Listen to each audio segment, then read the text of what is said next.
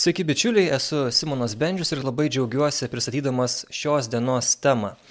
Alma Litera leidikla naujai išleidžia Džono Ronaldo Rivolio Tolkino kūrinį Silmariljonas. Daug kas žino ir myli e, kitą jo kūrinį Žiedų valdovą, bent jau yra matę tą garsiją filmų trilogiją. Tai Silmariljonas tartum kaip užbarantis sakmė, jį pasakoja apie įvykius nutikusius prieš Žiedų valdovo istoriją. Ir viskas prasideda nuo pačios visatos sukūrimo. Tiesa, Silmarilionas nėra e, specialiai parašyta priešistorė, na žinot, kai sulaukia sėkmės koks nors kūrinys ir tada reikia dar pinigų, nes pasirodo galima užsidirbti ir tu tada parašai atskirą kūrinį, ten priešistorę arba po istoriją. Tačiau šią knygą ir tiek žiedų valdovą Tolkienas norėjo išleisti vienu metu. E, šie du kūriniai jam buvo vienodai svarbus, tačiau leidykla manė kad tikrai bus per daug jeigu visa trilogija ir dar silmarilinas bus išleista kaip vienoje knygoje kad žmonės tiesiog nenorės tiek daug puslapių skaityti.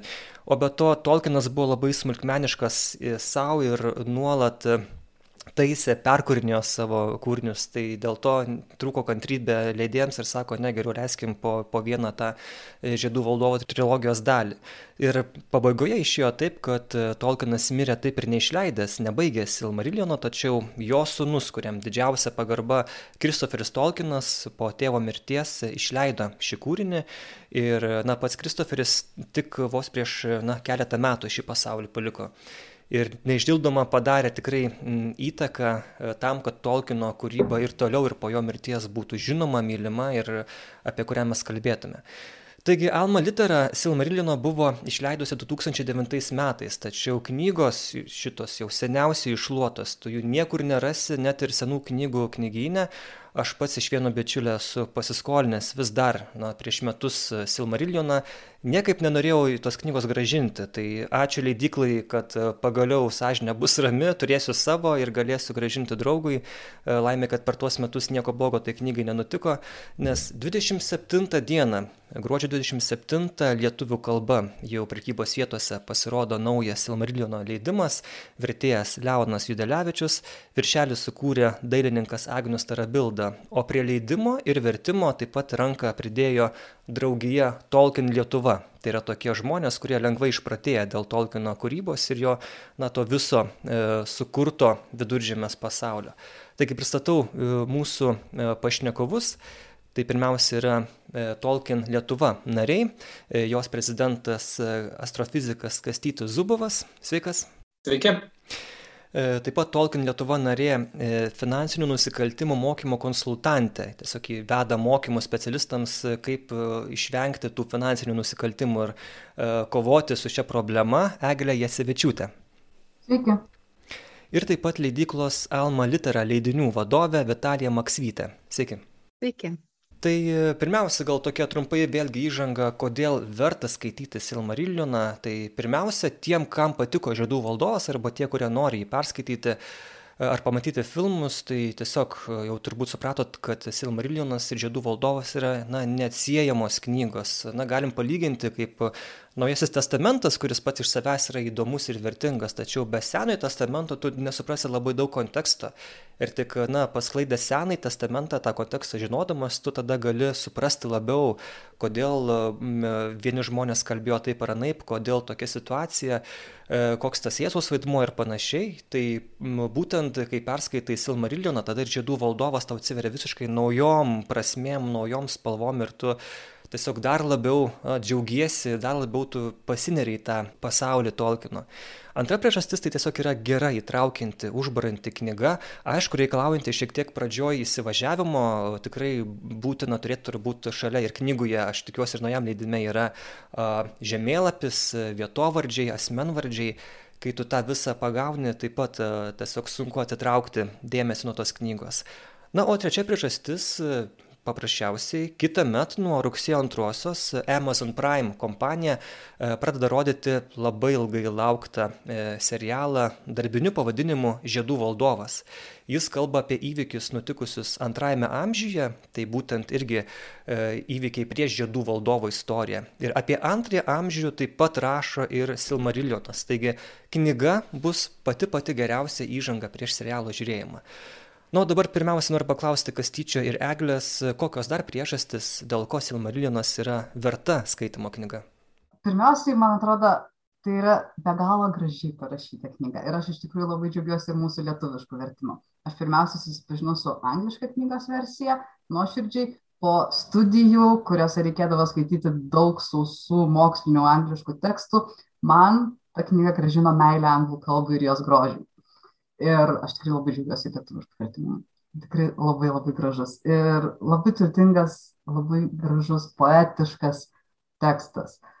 Pasaulis, kurį mes matom ir mylim žiedų valdovę, jisai ir yra tas toks įtraukiantis, toks turtingas, kur tu jauti, kad už kiekvienos griuvėsio slypi kažkokia istorija, kiekviena gyvenvietė, kurioje lankaisi, matai, kad turi savo senas, senas šaknis, kaip ir kiekviena tauta ar padermė, kurią sutinki, irgi tu žinai, kad kažkaip tu iš karto žiedų valdovas skaitydamas arba žiūrėdamas filmą jauti, kad tai yra tikrai na, turtinga, daug sluoksnių turinti kultūra už jų visų.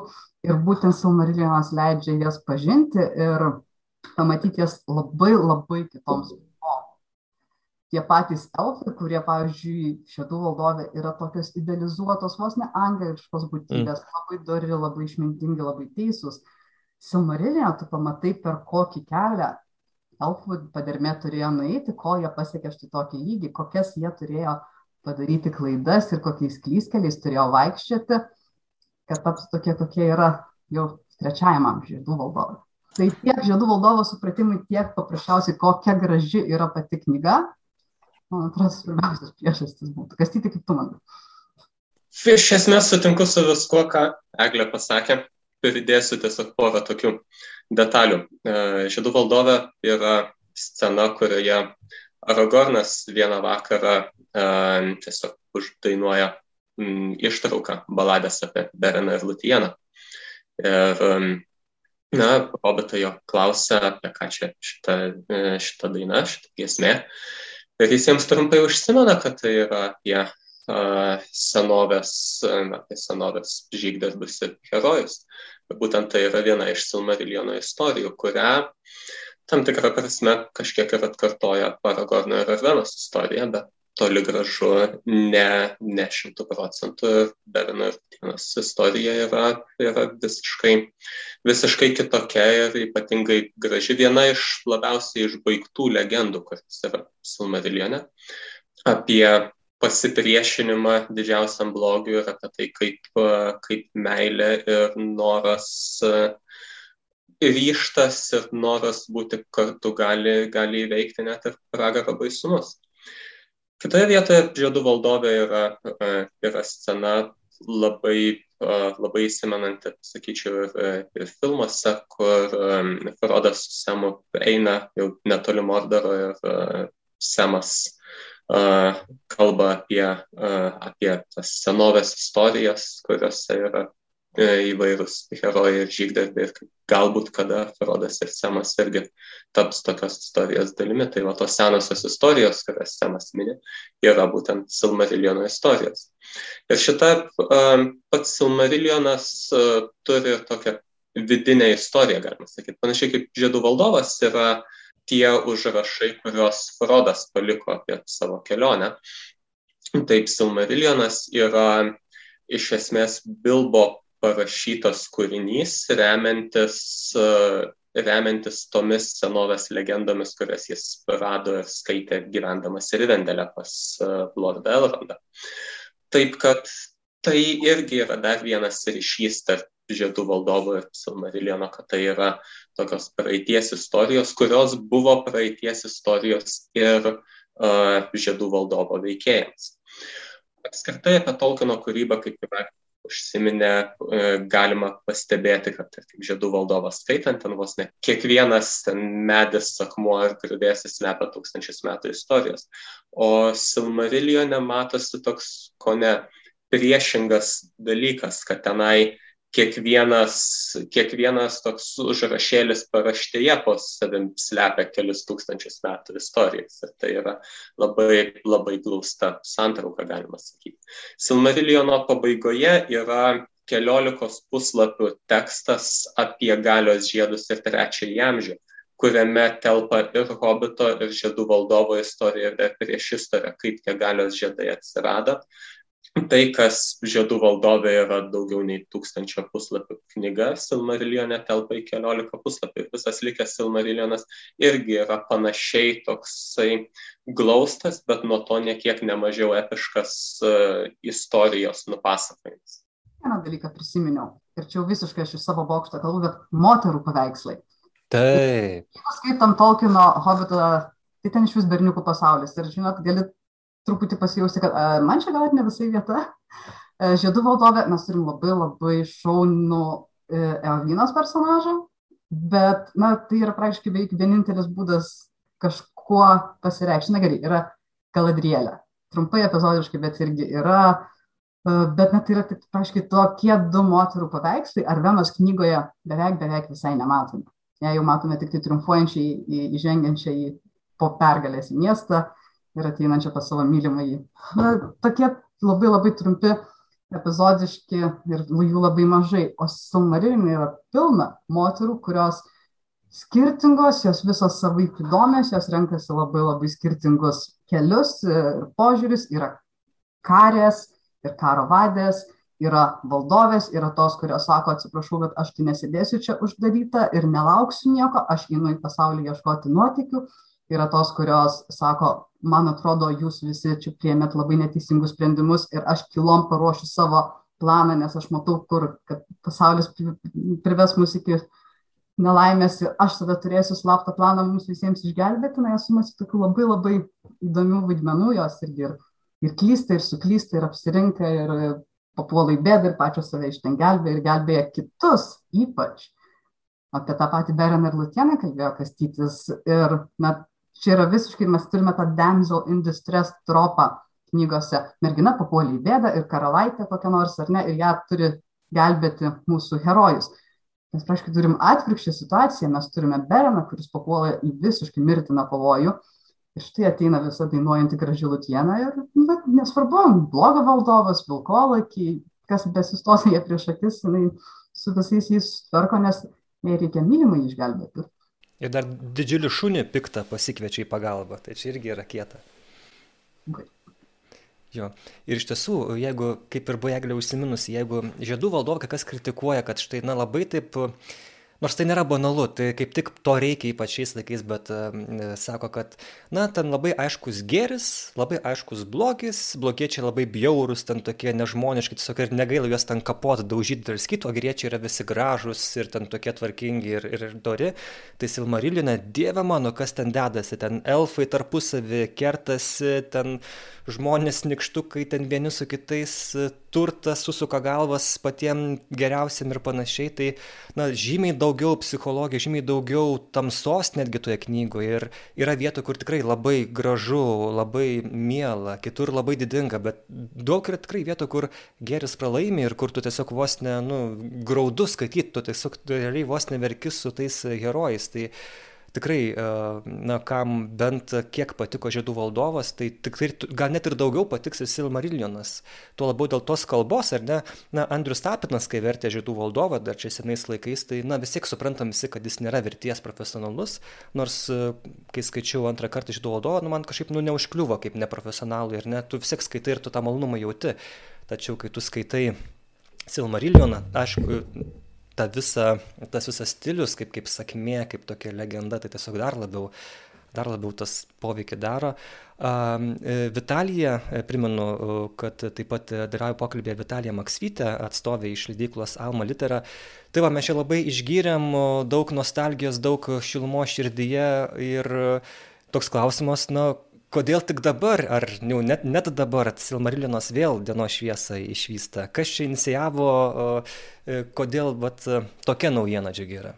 E, na, iš tikrųjų, knygų atnaujinimai, perleidimai visada turbūt inicijuojami yra poreikio. Ir mes visada stebime rinką, stebime ne tik Lietuvos pasaulio rinką, kas vyksta ar ne, e, žiūrime, kiek yra užklausų, ko žmonės ieško, ko skaitytojai ieško. Ir aišku, šiuo atveju labai padėjo Žiedų valdovo ir Hobito perleidimai, kada tikrai jau matom, kokie jie yra sėkmingi, kad tikrai skaitytojai ieško, yra pasilgę. Ir, na, aišku, ta pati žinia, apie kurią jūs kalbėjote, apie serialą taip pat būsima, gali būti, kad šiek tiek prideda mums paskatos išleisti Silmariljoną iš naujo. Uh, Tai iš tikrųjų tokios priežastys ir yra, kaip jūs minėjote, 2009 metais buvo leista knyga, tai tikrai jau yra praėję daugiau negu 10 metų, rinkoje jos nėra. Žiedų valdovo hobito sėkmingi perleidimai, kurie jau paruošė skaitytoją ir tą naują skaitytoją, gal kuris ir anksčiau nieko nebuvo girdėjęs ir tik dabar susipažino su žiedų valdovu ir hobitu, nes tikrai karta pasikeitė. O sėkmingi tai reiškia, kiek jau yra kelintas leidimas jau dabar iš, iš to naujo? Mhm.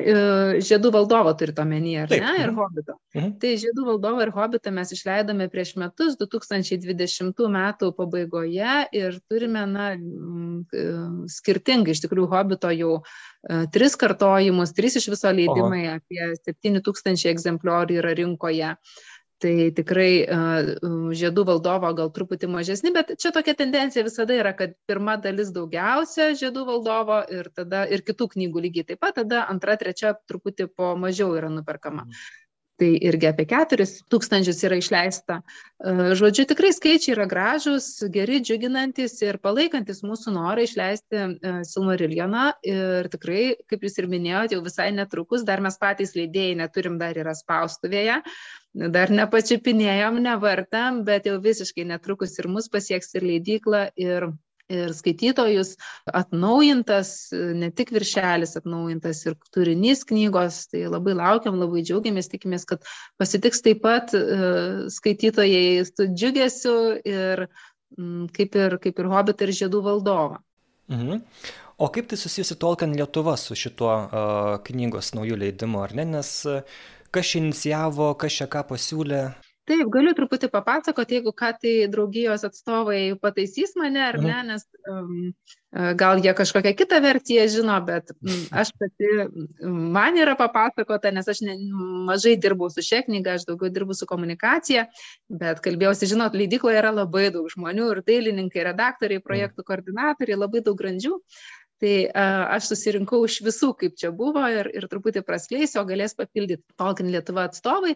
Tai mano žiniomis viskas prasidėjo nuo žiedų valdovo viršelių.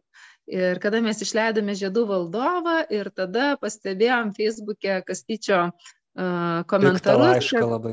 Piktą laišką, piktą komentarą, kad elfiški šriftai elfų kalba yra beprasmiai, sumaišyta. Iš tikrųjų, dailininkas mūsų Agnius Tarabilda yra labai smulkmeniškas, na, gerąją pačią žodžio prasme, jis tikrai sužiūri visas detalės. Tai jam iš karto buvo iššūkis, kad kaip čia dabar pražiūrėjo ir kad gali būti geriau, tai kartu su Kastyčio, kartu su Kastyčiu jie bendradarbiaudami E, pakeitė žiedų valdovo viršelį ir ištaisė tą klaidą, kurios galbūt šiaip skaitytojas ir nebūtų pastebėjęs, bet atidus skaitytojas ir Tolkino kūrybos mylėtojas, tokie kokie yra draugijos nariai, na tikrai negali atleisti turbūt už tokią klaidą. Tai aš džiaugiuosi, kad na, buvo ištaisyta šita klaida ir, ir dabar galima rasti galbūt netgi ir kaip tam tikrą ar nebukinistų e, retenybę, tą neteisingą viršelį su neteisinga elfų kalba ir ir tą jau su atnaujinta ir teisinga, teisingu elfišku šriftu. Na ir kada jau buvo nutarta kartotis Silmariljoną, tai man regis, kad iš karto buvo kreiptas į draugiją ir į kastyti ir paprašyta bendradarbiauti, nes vis dėlto, kaip ir minėjom, kad nuo 2009 tai tikrai yra pra, pra, nubė, prabėgę nemažai laiko, ar keičiasi ir ta pati kalba, ir, ir mūsų galimybės, ir požiūris, ir noris, ir patį vertimą peržiūrėti. Tai mes dažnai, kai atnaujiname knygas, tai na, bendradarbiaujam su redaktoriais, su specialistais. Tai šiuo atveju tai, kad uh, jau ryšys buvo užmestas, užmėgstas su draugėje, kad padėjo mums šie socialiniai tinklai ar ne, uh, gauti tos komentarus, tai labai padėjo tam, kad užbėgtume kažkokiams tokiems nesklandumams už akių ir, ir man atrodo, kad buvo labai daug dirbta ir tikrai esam labai dėkingi draugijai, nes tikrai ne tik viršelis, bet ir, ir tikrai ir vardai, man atrodo, buvo taisyti ir vietovardžiai ir gal kastytis galės daugiau papasakoti, ką iš tikrųjų jie darė su redaktore. Mm, mhm. Tai galiu perduoti iš tikrųjų žodį. Jo, ar, ar teisinga Vitalijos versija? Taip, iš esmės, iš esmės viskas teisinga, gal dar pastebėsiu, kad apskritai su Alma Litera kažkiek bendradarbiavom ir tada, kai pirmas įkis Silmarilionas buvo išleistas 2009 metais, surengėme pristatymą knygos. Bet, na, vėliau, vėliau leidikla Tolkieno knygų neišleidinėjo, tai to bendradarbiavimo tokio artimo kaip ir nebuvo, bet vat, prieš metus, kai tą taip apie, apie žiedų valdovo viršelį parašiau tokį kritišką įrašą, aš tikiuosi, kad jis neatrodė labai piktas. Uh, ir šiaip, na, tai, tai tokia. Tai nepiktas. Kaip Eglas, tai? Aš kaip žmogus, kuris kastyti daug metų pažįsta, tai galiu tikrai pasakyti, tai nepiktas įrašas, jisai griežtai daktariškai, taktiškai sudėtas, bet jis tikrai be pykčio. O tu esi, o tu esi piktą kastytę mačiusi šiaip? Ne, jis nebūna piktas. Ok, gerai. Tai vad, na, aš tame pačiame įraše parašiau, kad tokį netikslumą viršeliuose turbūt Lietuvoje gal kokie penki žmonės pastebėtų. Tai taip labai džiaugiuosi, kad e, leidikla Agnius sureagavo ir, e, ir tikrai uh, ėmėsi, ėmėsi tų pataisimų ir suderinom, suderinom, sugalvojom, peržiūrėjom, kad tikrai būtų viskas gerai ir jau naujam tiraže buvo pataisyti viršeliai. Kad būtų aiškiau šiek tiek, ar ne, kas turėjo būti užrašyta ir kas vietoj to, ten buvo koks, nežinau, receptas, ten kokia pirago. Ne, vietoj... ne, ne. Es, esmė ne tai, kad pirago receptas, es, esmė tokia, kad, na, a, tarkim, a, jeigu klausytojai gal, gal žino, kaip atrodo rusiška klaviatūra kompiuterio. Tai tenai nėra raidės išdėliotos Q, W, E, R, T, I ilgoji ir taip toliau, kaip, kaip standartiniai, tai mums yra toj latiniškai klaviatūra. Um, elfiški rašmenys, tengvos, jie irgi yra išdėlioti visiškai ne taip, kaip tos raidės. Tai jeigu tiesiog paimtume, parašytume tekstą uh, lotynišku šriftu ir pakeistume tą šriftą tiesiog kompiuteryje į neva tai elfišką, tai, tai gautume tiesiog nesąmonę, tai nebūtų joks prasmingas tekstas. O iš tiesų buvo noras e, parašyti, parašyti prasmingus tekstus. Aš dabar neatsimenu tiksliai visų trijų, bet ant vieno viršelio yra e, žiedo įrašas, juodąją kalbą, ant karaliaus sugrįžimo viršelio yra e, Aragorno priesaika Eterelo Andorin Autulien iš, iš Didžiosios jūros į viduržemę atkeliavau. Naujame tiraže tie, e, tie užrašai yra tikrai teisingi ir tvarkingi. Koks trečias yra, aš dabar tiksliai neatsimenu, bet galiu, galiu palikti e, klausytojams kaip galimybę išsišifruoti patiems, kas tenai parašyti. Bet visi trys, trys prasmingi užrašai. Ja dar bendradarbiaujant ir su, ir su Agnėmi, ir su Romualdo, kuri, kaip suprantu, būtent peržiūrėjo šitų knygų, šitų knygų leidimą, visus projektus, tai užsiminiau, kad jeigu kada būtų perleidžiamas Silmarilionas, tai taip mes norėtume mielai sutiktume peržiūrėti tekstą, vertimą ir, ir pateikti pasiūlymų, kaip patobulinti. Nes tiesiog skaitant lietuvišką Silmarilioną irgi buvom atkreipę dėmesį kelia, e, keliose vietose irgi netikslumus. Tai birželio, birželio mėnesį dar vat, e, parašė man dėl Romualdo, kad planuoja perleisti Silmarilioną ir ar galėtume peržiūrėti tekstą. Tai tada mes keliese, tolkien Lietuvoje pasidalinom tą, tą tekstą, bet Teglė, aš ir dar, dar trys kolegas pasidalinom, peržiūrėjom na, apie porą mėnesių gal užtruko, angliškas tekstas, lietuviškas tekstas šalia, skaitai pasakinį ir, ir žiūri, kas, kas čia kur gerai išvesta, ar nepasimetė prasme, ar nepamesta kokia sakinio dalis. Taip pat vat, vardai, vietovardžiai įvairūs, irgi kaip, kaip jie lietuvinami, ar, ar visur ta pati tiesiog tokia pačia tvarka tas daroma ir panašiai. Ir tokius tokias visas smulkmenas sužiūrėjom, nusintėm leidyklą ir tada, tada tiesiog su redaktorė pabendravom, daugumą tų pasiūlymų ir priėmė, kelis atmetė, bet, bet tikrai nedaug. Mhm. Greitai gal Eglė paklausiu, pradėkim gal nuo viršelio, ar ne, kas, kas skiriasi nuo to 2009 metų leidimo. Tai mes matom, galima jau dabar Google'ai surasti viršelį, kad tokiam juodam žvaigždėtam fone yra du medžiai, auksinis ir sidabrinis, e, trys tokie spindintis akmenys e, ir tartum kardu užrašytas, kaip Zoro, žinot, čiung, čiung, Silmariljonas. Tai kokia yra vat, to viršelio prasme?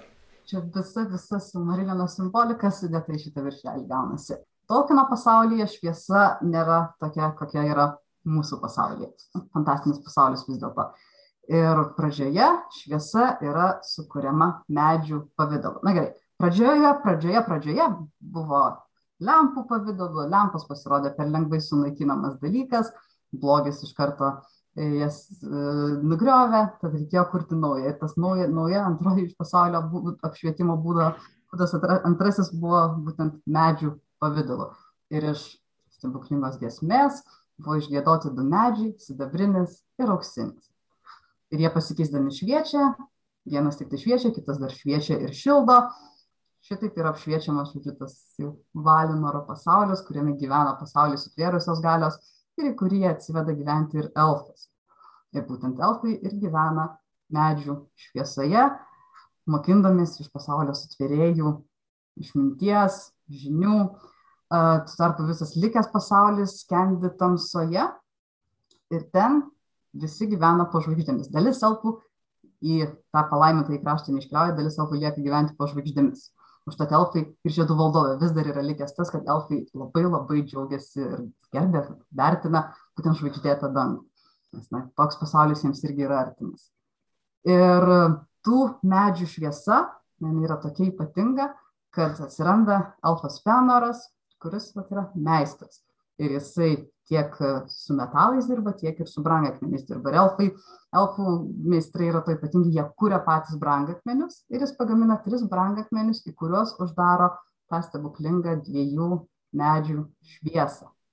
Ir tie akmenys vadinasi Silmarilai. Ir tie akmenys pavadinami Silmarilais. Čia knygos pavadinimas. Ir kai tie medžiai vis dėlto blogis nesnaudžia, blogis sunaikina ir tuos medžius, pasaulis vėl pasineria į tamsą ir vėl lieka gyventi po žvaigždėmis tie silmarilai lieka vieninteliu šviesos šaltiniu. Na ir iš čia gimsta konfliktas. Mhm. Toliau, toliau nepasakok jo. Toliau nepasakos. Tas kardu išrašytas pavadinimas tą konfliktą jau irgi nurodo, kad čia bus, bus veiksma, bus, bus vaizdų. Taip, taip, taip, labai. Mhm. Gerai, toliau gal klausimas visiems trim tada, kas e, vėlgi tada toliau skiriasi nuo, e, nuo ankstesnio leidimo, ar ne, kai kurie vietovardžiai, e, kai kurie gal netikslus buvo irgi ten išversti E, netgi prasmes, ar ne, kad vietoj ten kažkaip ištikimas vietoj ten visai kitokios prasmės buvo ankstesniam vertime, tai tiesiog ką dar ras skaitytojas tokio, kuris gal skaitė ankstesnį ar neleidimą, ką ras kito šį kartą? Na, čia tas, tas paminėtas e, ištikimas, ar kaip tik neištikimas, tai m, buvo viena iš tokių tikrai nedaugelio, bet, bet keletas vietų buvo, kur kažkaip e, verčiant sakinio prasme apsivertė. Uh, na, keliose, keliose vietose buvo, kad uh, nors, koks nors žodis išvestas viena, uh, viena reikšmė, nors taip labiau kontekstą pasigilinus, uh, supranti, kad kita reikšmė turėtų būti, kaip tarkim, žodis fast, kuris šio laikinėje anglų kalboje jo praktiškai išlikus tik ta viena reikšmė greitas, bet mm.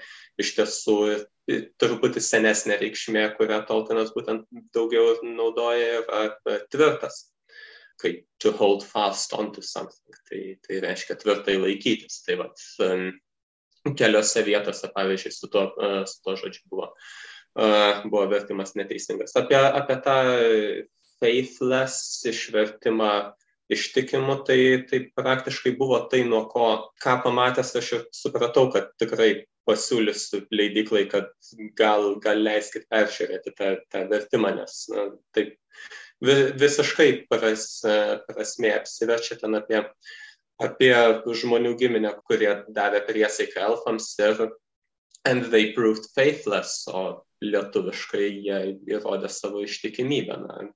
Mm. Uh, taip ne, nesinorėjo palikti tokio, tokio dalyko. Tiem, kas nemoka anglų, išverskim, ką iš tikrųjų, ką jie parodė žmonės. Faithless tai kaip tik reiškia pas, pasirodė esą neištikimi, būtent išdavė. išdavė tos elfus, kuriems buvo davę priesaiką.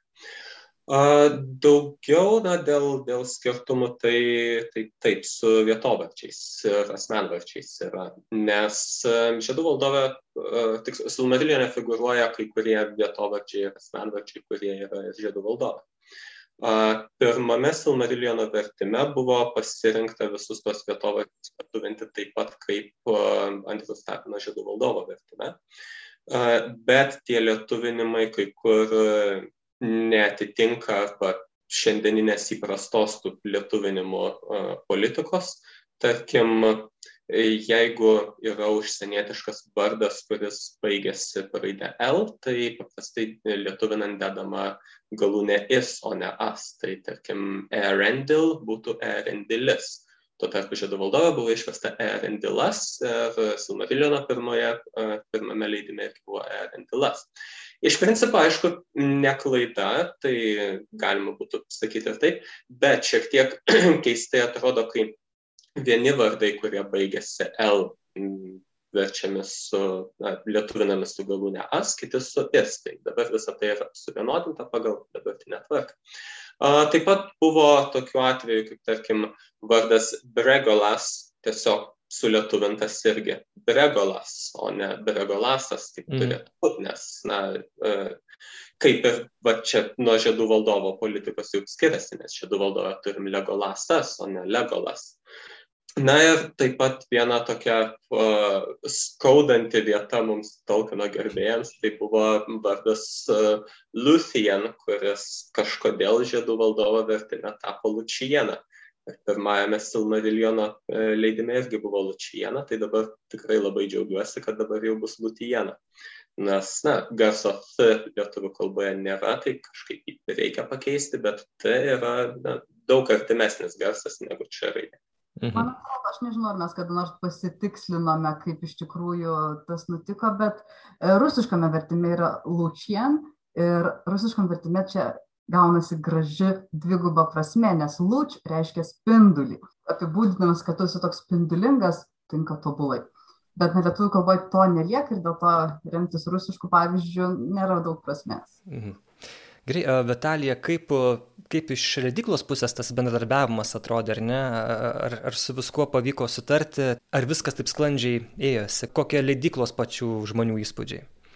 Na, įspūdžiai mūsų yra patys geriausi. Iš tikrųjų, aš pati atsimenu, man regis Tolkienas yra pats sakęs, kad jis yra be galo jautrus kalbai, buvo be galo jautrus pats kalbai. Tai man atrodo, kad tas darbas, kurį padarė uh, draugija, yra labai svarbus ne tik lietuviškam vertimui, bet apskritai Tolkieno kūrybai visame pasaulyje, kad būti jautriems, sužiūrėti kitų menkiausių detalių, kad kuo įmanoma tikriau, originaliau mes ir tiksliau perteiktume tai, kas buvo sumanyta autoriaus, tai tikrai leidikla e, labai džiaugiasi šiuo bendradarbiavimu ir jeigu kada ateis laikas atnaujinti ir žiedų valdovo vertimą, o greičiausia kad ateis nes mes tikrai vertimus kaip ir minėjau praėjus tam tikram laikui peržiūrime tai manau kad be draugijos neapsieisime ir tikrai kreipsimės pagalbos. Apskritai šiaip visada laukiame žmonių pastabių skaitytojų ne tik tai tų autorių mylėtojų, bet ir apskritai bet kurių pastabių skaitytojų minčių, jeigu kažkas ne, netikslu, netaip išversta, netiksliai išversta, netiksliai perduota, perteikta, tai stengiamės pataisyti, jeigu tik yra įmanoma,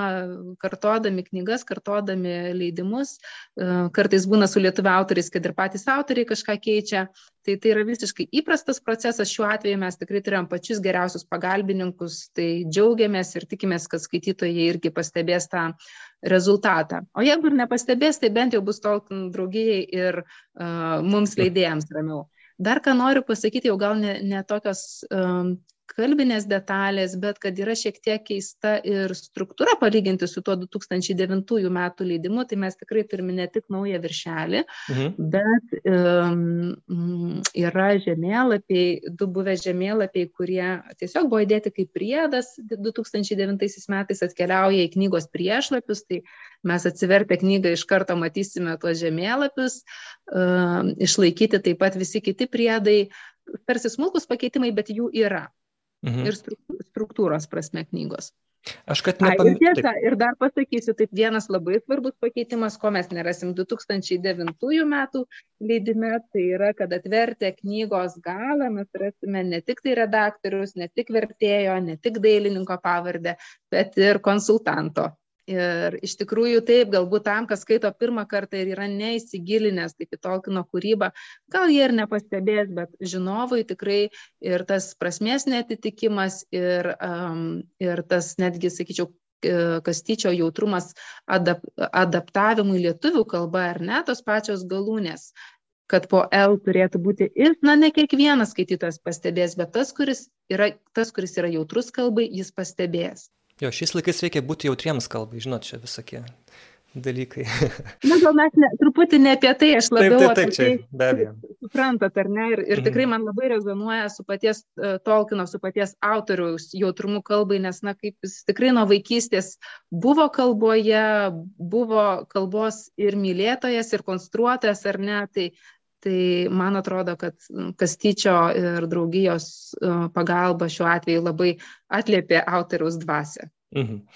O aš šito taip. truputį pridėsiu, vat, kaip Vitalija minėjo porą kartų Tolkieno jautrumą kalbai, tai, e, tai tikrai taip ir Tolkienas buvo parašęs uh, tokiu tiesiog, na, tokio kaip esė pasiūlymų ar komentarų, kaip reikėtų versti žiedų valdovą ir hobitą ir e, būtent kaip įvairūs vietovardžiai, asmenvardžiai, kurie, tarkim, turėtų būti verčiami, kurie neturėtų būti verčiami, kurie turėtų būti adaptuojami įvairiai, nes e, ten, na, žiedų valdovė yra svarbu tai, kad, tarkim, um, hobitų vardai ir vietovardžiai, jie yra angliški ir anglui suprantami. Uh, Rohano vietovardžiai, asmenvardžiai, jie yra anglui kažkiek artimi, todėl kad ten yra naudojama senovinė anglų kalba tų vietovardžių tarybai.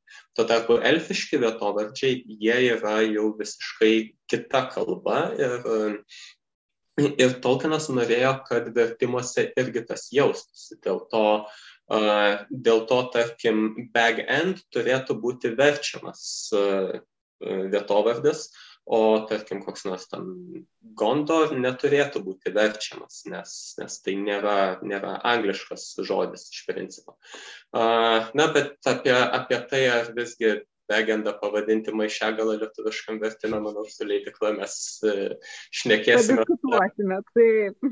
Taip, tada, kai artės e, laikas žiedų valdovą iš naujo leisti, e, bet Silmarillione kaip ir nėra tokių vietovardžių, kuriuos reikėtų versti, nes ten viskas, visi praktiškai vietovardžiai, asmenvardžiai yra būtent tų elfiškų kalbų žodžiai. Tačiau pats faktas, kad Tolkienas rašė tokius pasiūlymus vertėjams, rekomendacijas, kaip reikėtų vesti, tai rodo, kad, jis, e, kad jam tas tikrai buvo svarbu. E, tos rekomendacijos, aišku, jos yra patogiai pritaikomos germanų, romanų kalboms, lietuvių kalbai daug sunkiau jas pritaikyti yra, ypač kai kuriais atvejais, bet, bet manau, kad irgi verta stengtis. Mhm. Mordoras čia lietuviškai Mordorava arba Morduva. Galima. Taip. Taip arba, arba daugiau durų. Daugiau durų, tai. Um, Vitalija, o tas pats, kaip atrodys rankose ta pati nauja knyga. Ne? Žinot, kaip būna, pažiūrėjau, kaip buvo su Kopa, dabar naujai išleista irgi legendinis fantastinis kūrinys. Seniai leidimai tokios plonos knygutės, plonas šriftas, žodžiu, labai nedaug vietos užima tos dvi dalis. Kai išleido dabar naujai, tai didesnės raidės, tarp didesnis, stora knyga, sunkiai automatiškai brangesnė tada, O ar bus tokia pat, nežinau, ar keisis kažkaip šriftas, ar bus plonesnė, storesnė e, knyga nauja? Įsivaizduoju, kaip jūs, manai, siūlytumėt šitą storą pirmąją knygą, kurią aš laikau rankose 2009 metų leidimą, tas beveik 500 puslapių suploninti iki kokių dviejų šimtų, tai mano galva yra neįmanoma. Dabar pasakysiu taip, 495 puslapiai yra naujosios knygos, tai iš principo yra, o šios yra keturi, irgi panašiai keturi, tai praktiškai mes turėsime tokios, tokio paties dydžio, tokios pačios apimties su labai gal nedaug, nedaug to pokyčio knygą, kaip minėjau, porą žemėlapių išsikelia, bet šiaip struktūra panaši, teksto apimtis panaši, tai uh, tikrai nemažinam, nieko neiškerpam ir nieko labai nepridedam. Tai, mm, Mhm. Manau, kad atrodys rimta solidi knyga. Iš tikrųjų labai graži, aš pati labai džiaugiuosi Agnius viršeliu. Kai pamačiau, tai dar kartą pagalvojau, kad vis dėlto kaip yra gerai, kada turime knygų dailininką, kuris, e, kaip autorius Tolkienas ar nekalbėjom, yra jautrus kalbai, tai Agnius Tarabilda yra labai jautrus kūriniams ir tikrai visada ieško ir labai daug dėmesio skiria vaizdui, kaip kaip perteikti kuo geriau knygos esmę. Tai nežinau, kaip Tolkien draugija vertina, bet mums patiems leidykloje tai atrodo, kad labai pagavo viršelis žinutę, apie ką yra ši knyga. Tikrai labai gražus ir aš labai džiaugiuosi šitų viršelių. Taip, mes irgi labai džiaugiamės. Yra juokinga viena istorija, ar ne, kaip skaičiau biografiją Tolkieno, kad buvo susipykęs su vienu iš leidėjų, nes tik tai žiedų valdovo viršelį buvo kalėdinė eglutė, jeigu neklysto. Ir Čia Tolkinui buvo didžiausias šokas ir skausmas. Šitos istorijos. Hobbit, ar ne? Šios istorijos nežinau, bet iš tikrųjų labai tikim, labai labai tikim, kad skaitytojai lauks šios knygos ir iš tikrųjų tiek Žiedų valdovo atnaujinimas, tiek kitų Tolkino knygų, kurių dar nėra lietuvių kalba išleidimas, priklauso nuo to, kiek jos bus perkamos. Leidy, leidyboje yra labai paprasta. Jeigu yra pirkėjas, jeigu yra poreikis, tada leidėjas na, tengiasi visomis savo išgalimis tą poreikį patenkinti. Taip, jeigu trumpai, kuo atnaujintas yra Žiedų valdovas ir Hobbitas, ar ne? Nes e, daug kalbėjome Simariliono, bet tiesiog kadangi užsiminėm, kad ir taip pat yra ir, irgi šios knygos išleista, tai tiesiog kokie tie atnaujinimai e, pagrindiniai. Pagrindiniai yra viršeliai iš tikrųjų. Mm. Taip detaliai peržiūrėtas tekstas, kaip e, vertimas, kaip šiuo atveju su Tolkien draugija nebuvo, bet tikrai, na, mes išgirdome pasiūlymus iš Tolkien draugijos ir sakau, kad negaliu pasakyti, kad va šiandien rytoj, bet kai jau vėl prieisime prie atnaujinimo knygos, tai tikrai bendradarbiausim ir man atrodo, kad tai, ką ir Kastytis dabar sako apie tokį susėdimą ir tiesiog pagalvojama, kaip visą tą žodyną visiems kūriniams ir Silmarilionui ir uh, Žiedų valdovui iš naujo peržiūrėti iš pat pagrindų, Tai uh, turbūt yra būtinas ir reikalingas šitas darbas. Mhm.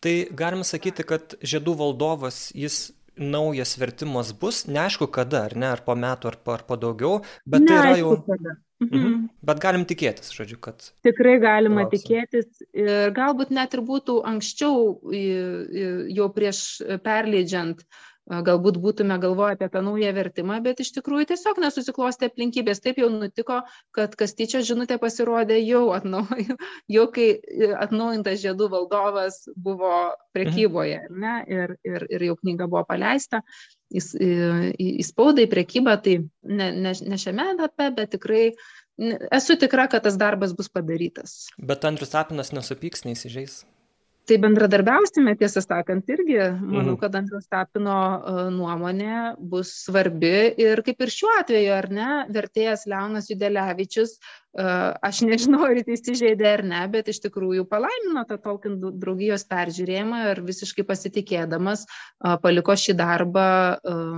tolkien draugijai redaktoriai gali būti kad e, kalbant apie žiedų valdovo perleidimą, mes irgi turėsime du variantus. Vienas visiškai iš naujo versti, o kitas tiesiog bendradarbiaujant su esamu vertėju peržiūrėti ir atnaujinti tą leidimą. Mhm. Tapinas yra sakęs, aš tikrai, tikrai girdėjau jį taip sakant, kad jeigu kas padarys geresnį vertimą, tai jis pasirūpins, kad tas vertimas būtų išleistas. Taip kad aš o.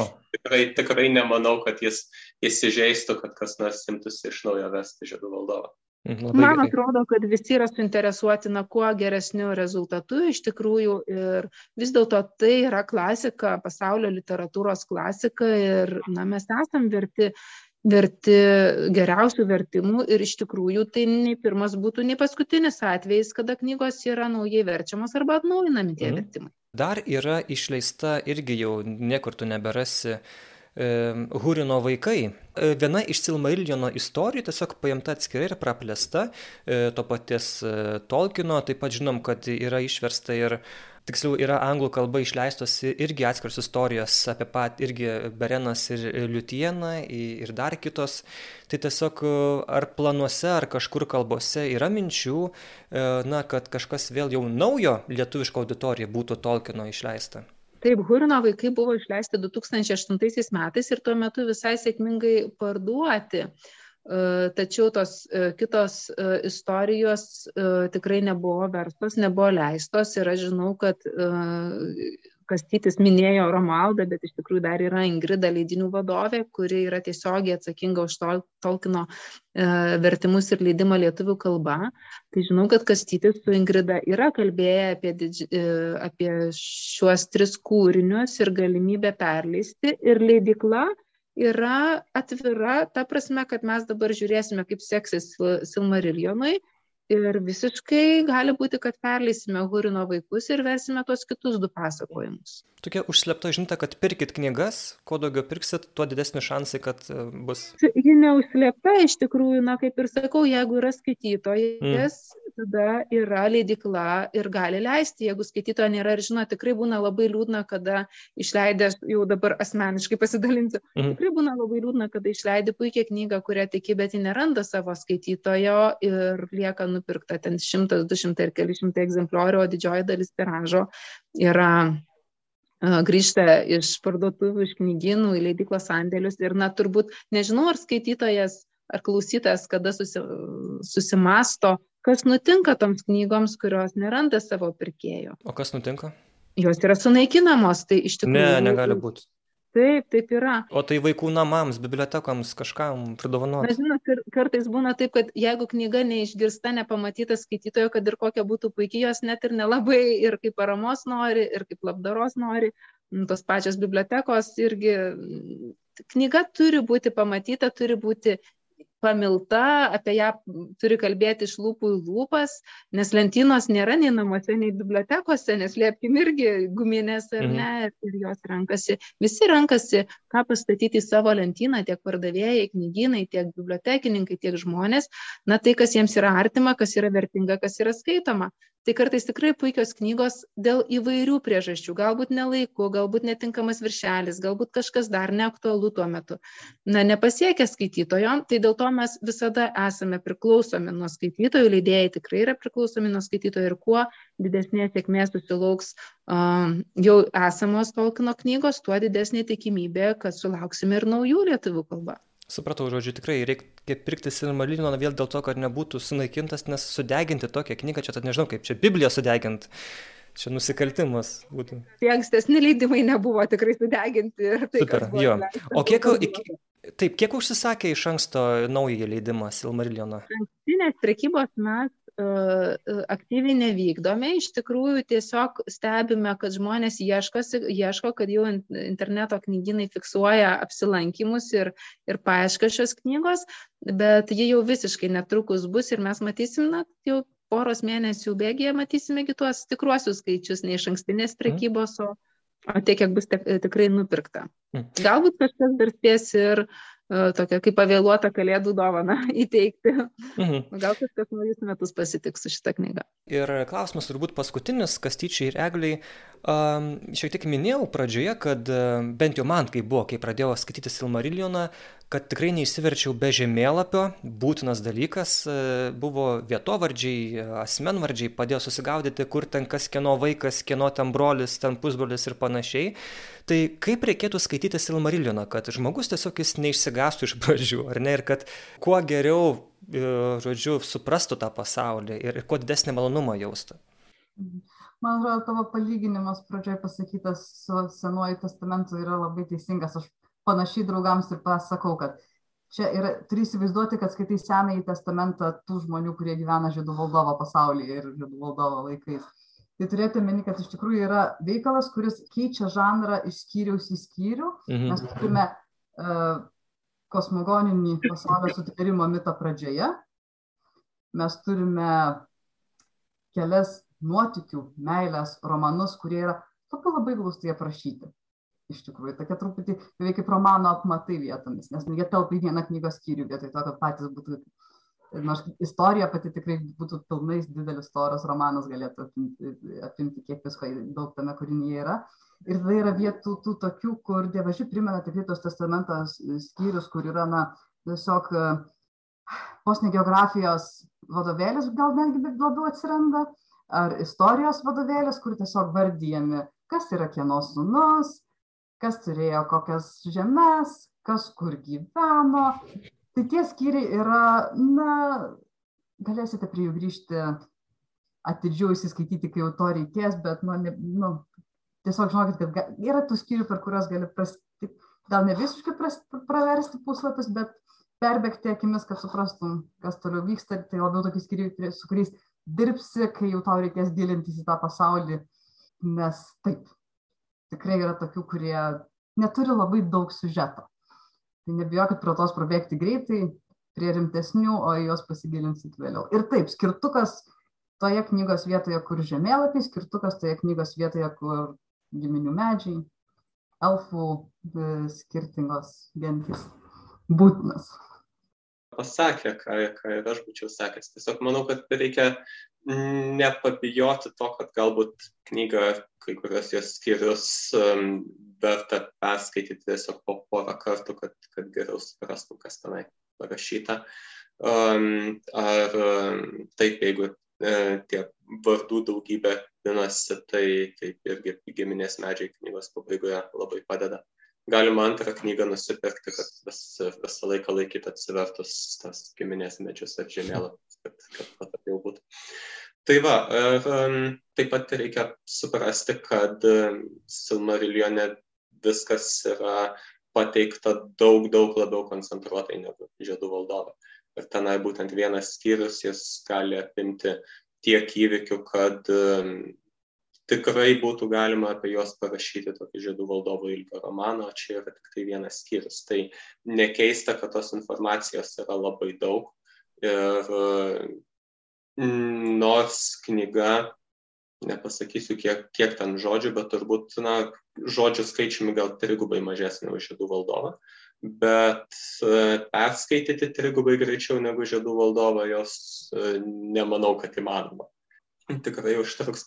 Mes vat kaip tik su, su Lietuvos uh, žmonėmis uh, nuo praėjusių metų rudens po truputį Silmarilioną nagrinėjom, tai po keletą skyrių ar po skyrių kas mėnesį ir vis, vis susi, susijungdavom pokalbėms padiskutuoti apie tos skyrius. Tai na, beveik metus ir užtrukom skaitydami ir tikrai, tikrai netrodė, kad čia nėra kas veikti, nes kad ir tos keletą trumpų skyrių perskaitė ir tikrai yra ką aptarti apie juos.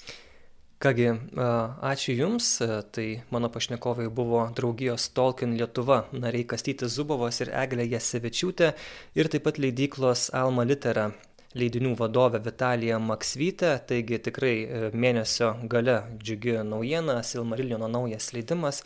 Ir taip pat verta paminėti, kad Alma Litera šaunuoliai, jie išleido taip pat jau deficitinės Narnijos kronikos knygas Tolkino bičiulio uh, Liuiso E, irgi legendinės knygos, kuris galbūt labiau jaunai auditorijai pritaikytos, tačiau aš pats neseniai tas knygas perskaičiau iš senesnio leidimo, tai didžiulis džiaugsmas irgi uh, ir saugosim žmogui, kuriam patinka fantastika. Tai tikrai uh, gerų tokių dalykų ir jeigu jau glaušat galvą, ką čia dovanoti kalėdoms, tai aš galėčiau pas jūs dirbti reklamos kokį nors, nežinau, žmogum, ar ne, Vitalija? Iš tikrųjų taip taip praktiškai jau darot mums reklamą ir netgi apie tą pa tas pačias narnijos kronikas liuisą irgi galima būtų padaryti atskirą laidą nes yra ką pakalbėti ir ką papasakoti. Ir tiesą sakant man pačiai e, tolkino ir liuiso draugystė ir tai kiek jie vienas kito vienas kito kūryboje kokius ženklus paliko ne tik gyvenimuose yra tokia be galo įdomi tema, per kurią aš manau galima irgi drąsiai eiti ir jų knygas, ir jų istorijas, į skirtumus tarp žiedų valdovo pasaulio ir Narnijos kronikų pasaulio. Tai tikrai, na, kalbant apie tą reklamą, manau, kad galima pratesti pokalbis. Nu, tai paskui gal pasitarsim, jeigu ką. Gerai. Tai aš buvau Simonas Bendžius, ačiū visiems, kurie mus e, žiūri, e, klauso ir skaito, galite mus bet kada paremti, parama tikrai yra labai svarbi ir turbūt, kas ateina į Bernardinų puslapį, mato tokią lentelę įkyriai šokančią, kad tikrai reikia jūsų paramos. Aišku, laikas gal daugam sudėtingas, tačiau, na, jeigu patinka bent kažkiek mūsų ta misija, tai ką mes darom, tai tikrai labai džiaugsimės e, jūsų parama ir šiaip jūsų laiškais, komentarais, pastabom, na, kad ne vien tik savo ten rašom ir darom dalykus, bet ir būtent jums tai. Dar kartą dėkui uždėmesi, iki kitų kartų.